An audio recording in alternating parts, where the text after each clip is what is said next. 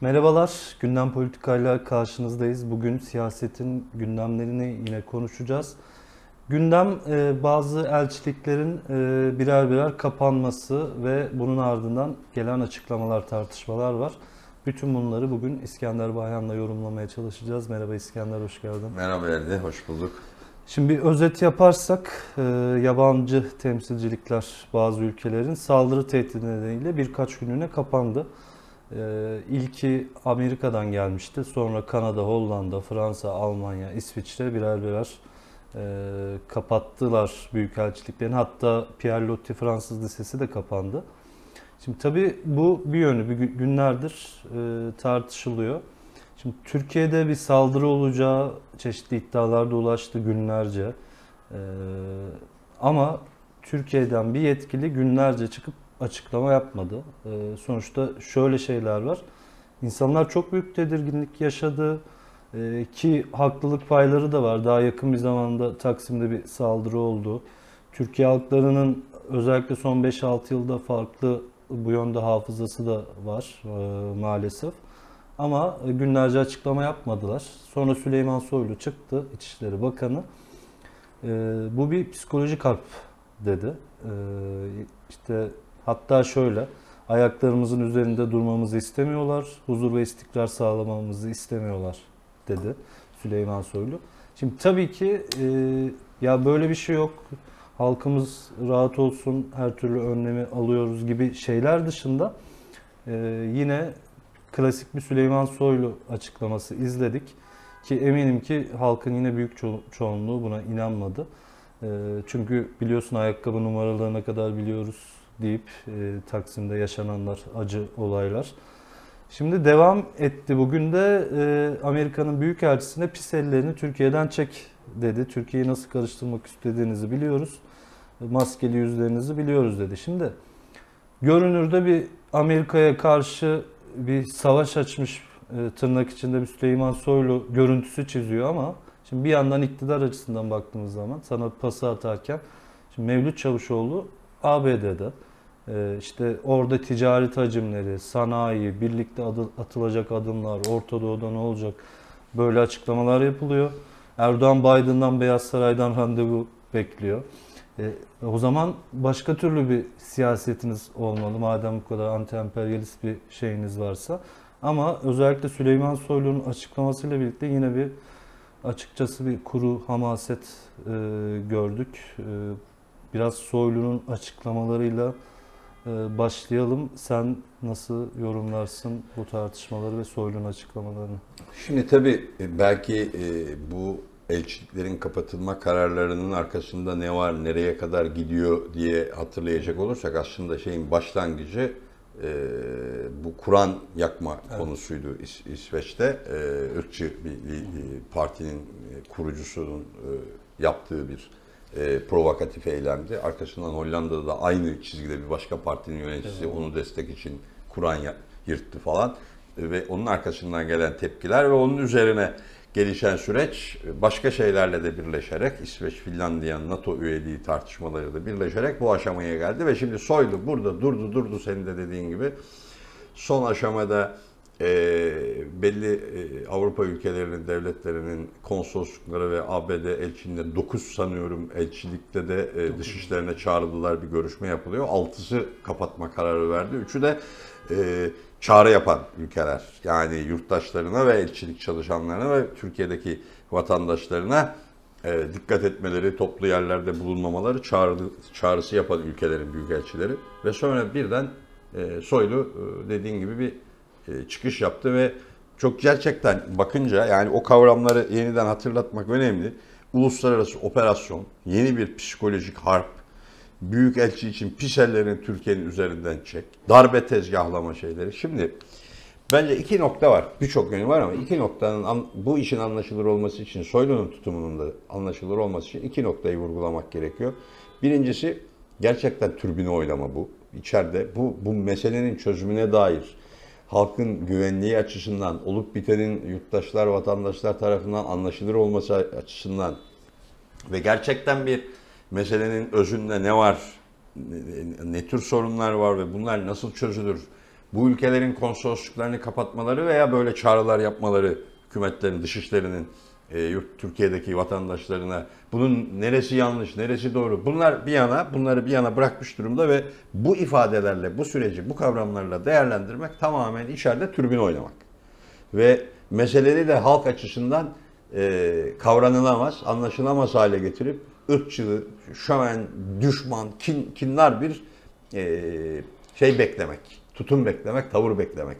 Tamamen yani meseleyle alakası olan şeyler değil bunlar. Şimdi ben otursam mesela, belki biz otursak konuşsak, gerçekten ABD başta olmak üzere batılı emperyalist ülkelerin Türkiye üzerindeki amaçları, hedefleri, çıkarları, bunlardan Türkiye nasıl kurtulur diye e, konuşsak e, birçok şey söyleriz ve e, hem ABD e, bugüne kadarki ABD elçilerinin hem bu tek tek bu kararı veren ülkelerin devlet ve hükümetlerinin emperyalist batılı emperyalist güçlerle Türkiye'nin ilişkilerinin e, dününü, bugününü, yarınını çok daha ciddi ve anlamlı sorgulayabiliriz. Ama yapılan bu değil.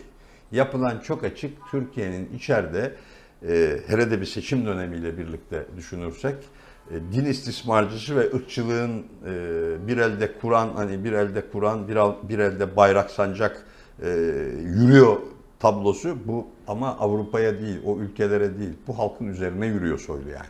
Onun için türbüne uğrayıp halkı zehirleyen bir çizgi izliyor yani. Siyasetin şeyi bu.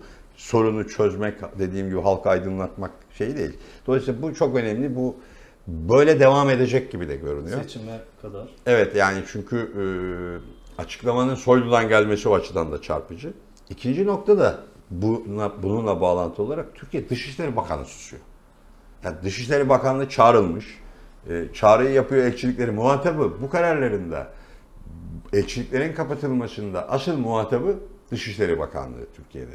Ama Dışişleri Bakanlığı'ndan meseleye dair ciddi bir açıklama yok. Dışişleri Bakanlığı ben duymadım, baktım. Belki gözümüzden kaçmıştır varsa da ama gözümüzden kaçması bile ciddiye alınır ve öne çıkar ve aklı selim bir açıklamanın ya da en azından bu işin esas muhatabının kendisi olduğunu, dış dışişlerinin olduğunu şey gösteren bir ayrıntıyı göremiyoruz. Yay, yayına girmeden az bir süre önce şöyle demiş Çavuşoğlu, bir bilgi paylaşılmadı, istihbarat da yok, maksatlı hareket edildiğini düşünüyoruz diye bir açıklama yapmış Dışişleri Bakanı. Evet, dolayısıyla e, sürece bakınca, olup biten sürece bakınca işin muhatabı susuyor yani.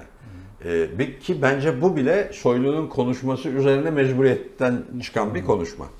Böyle bakınca e, bu iş kızışacak demektir ve gerçekten e, içeride halk açısından da e, sadece e, bu ülkelerin yurttaşları, vatandaşları açısından da Türkiye'deki halklara yaşayan halk açısından, Türküyle, Kürtüyle, Arabıyla, Türkiye'li yurttaşlar açısından da e, çok sorumsuz bir yaklaşım sergileniyor yani bu tip durumlar o, o bunu gösteriyor ve bu sorumsuzluk üzerine bir iktidar mücadelesi bina ediliyor, inşa ediliyor.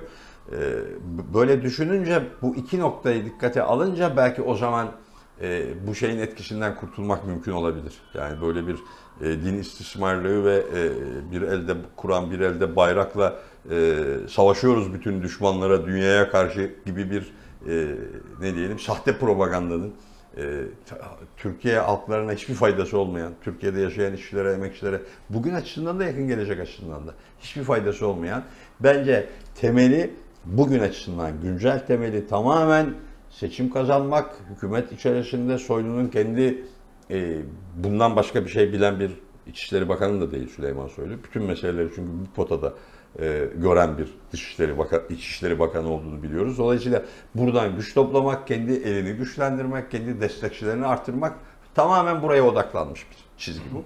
Dolayısıyla bu e, buna karşı asıl belki olup biteni e, talep etmek halk açısından, yurttaşlar açısından ya ne oluyor? Bunlar niye bunu yapıyor?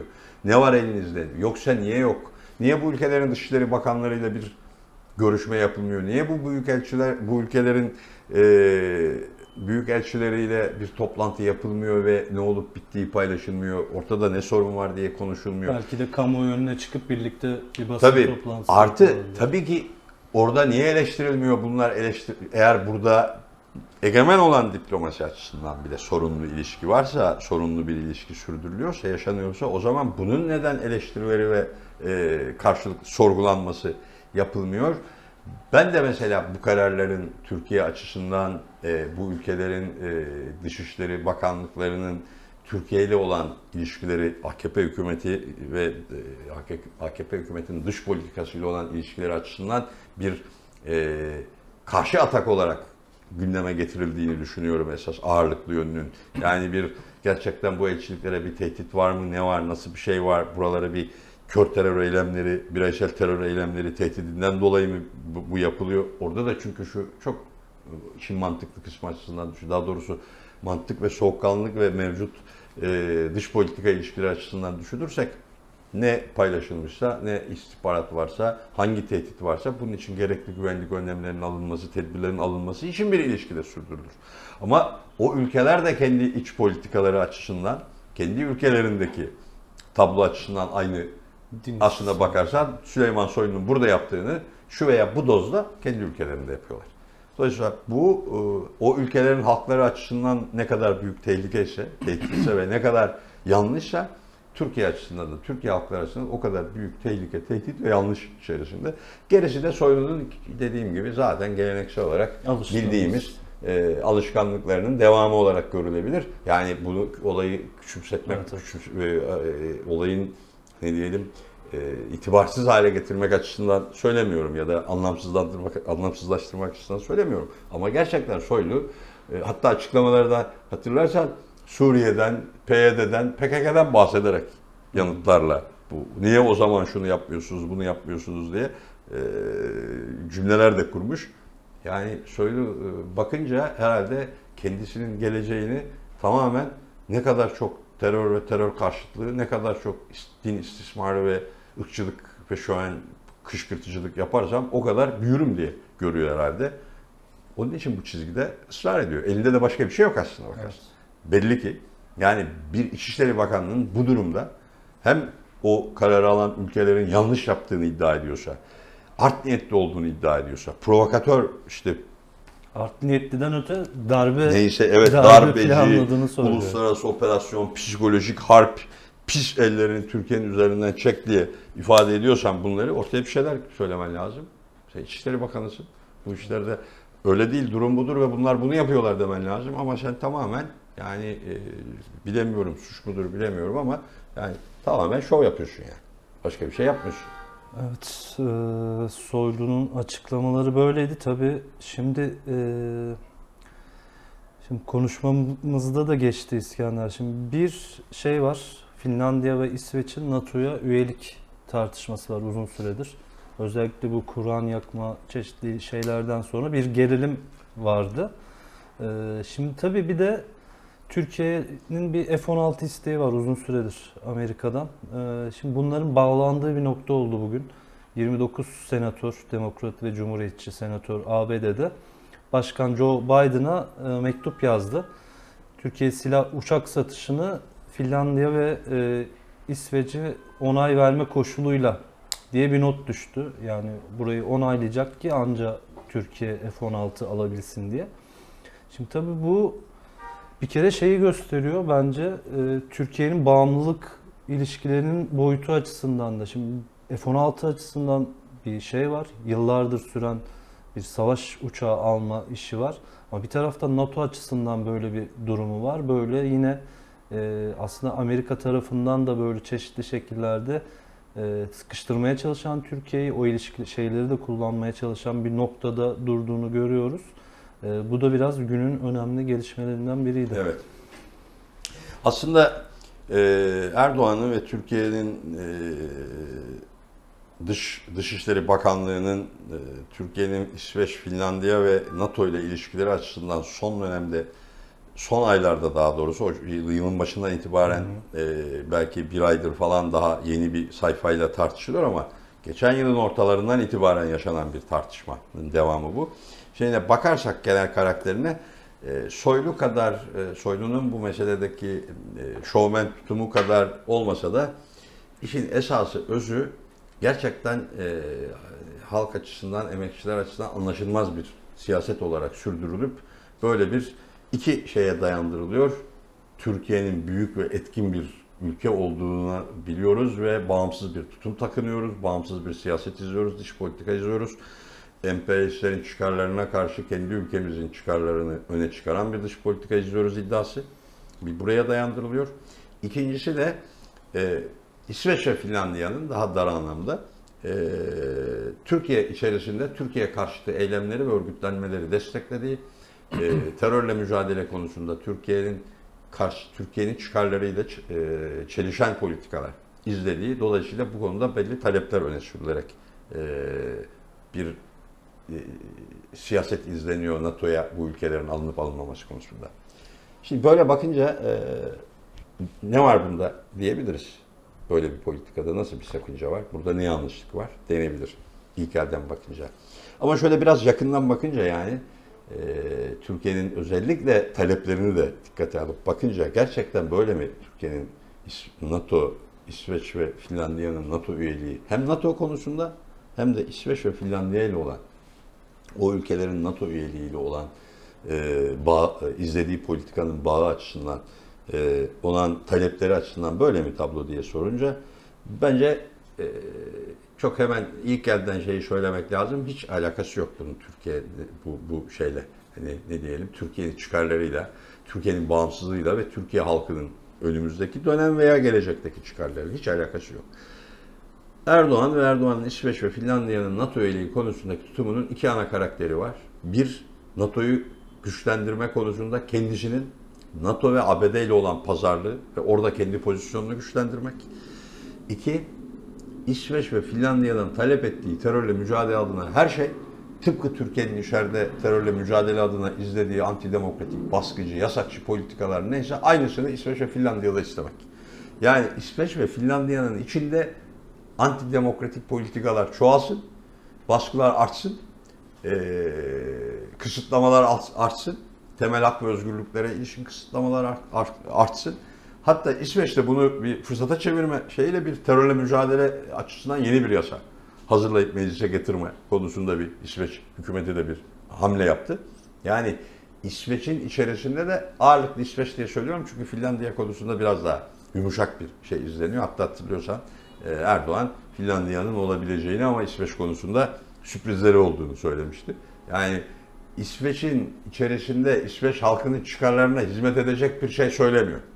Yani sonuçta İsveç hükümeti ve İsveç devleti de e, Erdoğan'ın bu tutumunu içerideki e, antidemokratik ve baskıcı uygulamaları arttırmak üzere fırsata çevirmeye çalışıyor. O da kendi açısından bir e, hamle yapıyor.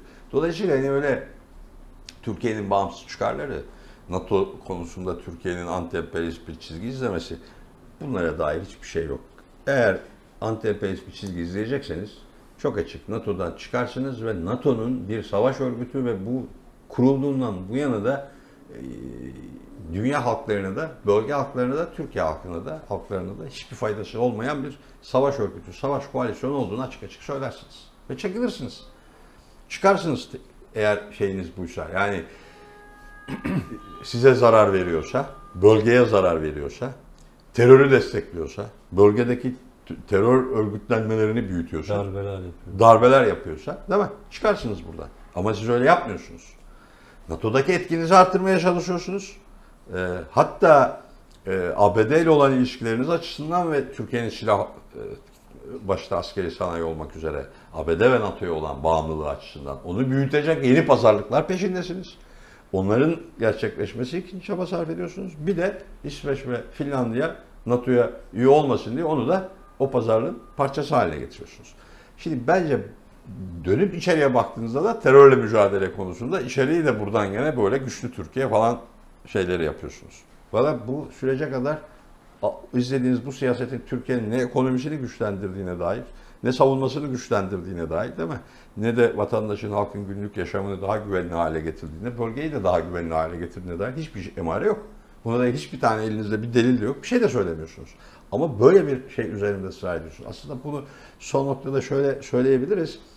Bir sıkışmışlık Türkiye açısından, Erdoğan açısından bu sıkışmışlığı da hatta yakın dönem açısından o da güncel siyaset açısından da seçimlere kadar olabildiğince içeride e, siyasi ranta çevirme iddiası var, hesabı var. E, daha çok duyabiliriz aslında seçimlere doğru giderken böyle batıya karşı büyük Türkiye e, karakterli, bağımsız bir siyaset ve tabii ki dik duran bir lider profili. Çünkü bu ülkenin e, halkları gerçekten e, yurtsever duygular ve anti-emperyalist duygularla e, Batı emperyalizminin neler yaptığını bu coğrafyada ve bu bölgede neler yaptığını, nasıl bir tarihe ve nasıl bir kanlı geçmişe sahip olduğunu biliyor. Şimdi bunu oya devşirmeye e, uğraşan bir e, dış politikayla yüz yüzeyiz. Bütün bunlarla iç içe e, düşündüğümüzde bu iş anlamlı olacaktır. E, Finlandiya'nın tutumu da aynı şekilde e, buradan İsve, İs, İsveç olmaz Finlandiya olur tutumu da bu şeyi tırmandıracak durumda geldi Finlandiya hükümeti tutumu. Mesela Finlandiya halkı mi İsveç'i dinleme diye yapılan anketlerde büyük çoğunlukla, büyük ekseriyetle Finlandiya'nın İsveç olmasa da e, NATO'ya girmesi yönünde çıkıyor anketlerde de kamuoyu araştırmalarında gelen hükümetin kendisinin yaptığı e, kamuoyu yoklamalarında da.